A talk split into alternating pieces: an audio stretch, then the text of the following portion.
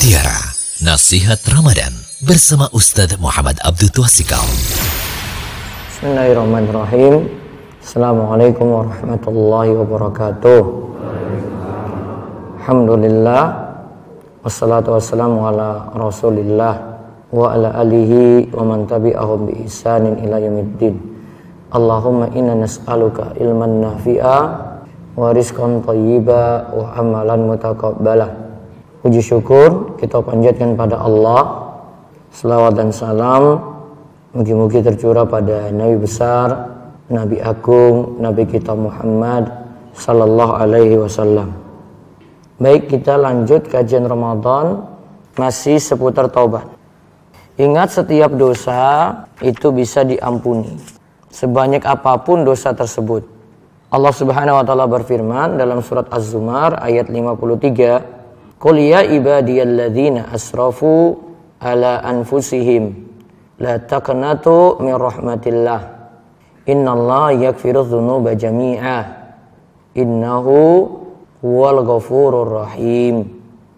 Katakanlah wahai hamba-hambaku yang melampaui batas terhadap diri mereka sendiri, janganlah kamu berputus asa dari rahmat Allah. Sesungguhnya Allah mengampuni dosa-dosa semuanya Yakfiru dzunuba jami'a, mengampuni dosa-dosa semuanya. Sesungguhnya Allah lah yang Maha Pengampun, lagi Maha Penyayang. Nah, ayat ini ini seruan untuk segenap orang yang terjerumus dalam maksiat, ada yang dosa kekufuran dan dosa yang lainnya untuk kembali kepada Allah, bertobat dan kembali kepada Allah. Ayat tersebut memberikan kabar gembira bahwa Allah mengampuni setiap dosa. Itu bagi siapa saja yang mau bertobat dan mau kembali kepada Allah. Walaupun dosa tersebut amat banyak, meski bagai buih di lautan yang tak mungkin terhitung. Sedangkan ayat yang menerangkan bahwa Allah tidaklah mengampuni dosa syirik, itu maksudnya adalah bagi yang tidak mau bertobat, yaitu dosa syiriknya dibawa mati. Artinya jika orang yang berbuat syirik bertobat ketika hidup, maka Allah pun akan mengampuni dosa-dosanya. Dalam ayat lain juga disebutkan alam ya'lamu annallahu wa yaqbalu taubata an ibadihi. Atau bait ayat 104. Tidaklah mereka mengetahui bahwa Allah menerima taubat dari hamba-hambanya. Juga dalam firman Allah, "Wa may ya'mal su'an aw yazlim nafsahu summa yastaghfirillaha yajidillahu ghafurur rahimah." Dan barang siapa yang mengerjakan kejahatan dan menganiaya dirinya kemudian ia memohon ampun kepada Allah, niscaya ia mendapati Allah Maha Pengampun lagi Maha Penyayang. An-Nisa ayat 110. Juga Allah berfirman tentang keutamaan bertobat lagi.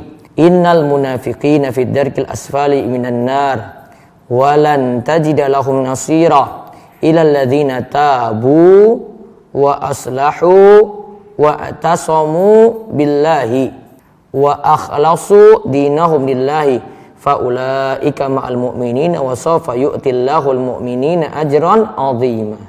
Sesungguhnya orang-orang munafik itu ditempatkan pada tingkatan yang paling bawah dari neraka. Ini berarti tentang dosa munafik.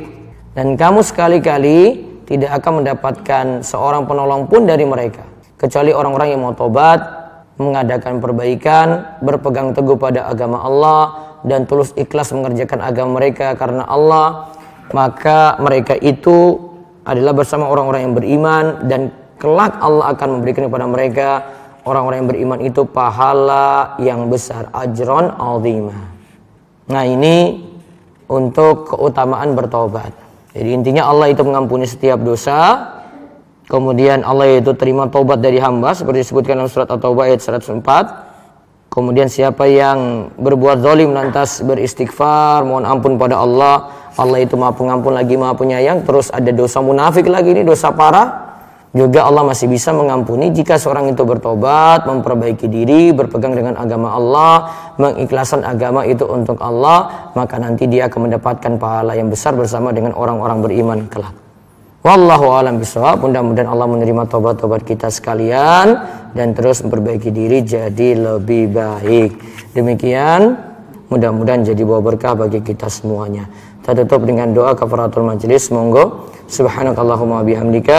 Syahadu alla ilaha illa anta astaghfiruka wa atubu ilaik. Assalamualaikum warahmatullahi wabarakatuh. Demikian mutiara nasihat Ramadan bersama Ustaz Muhammad Abdul Tuasikal.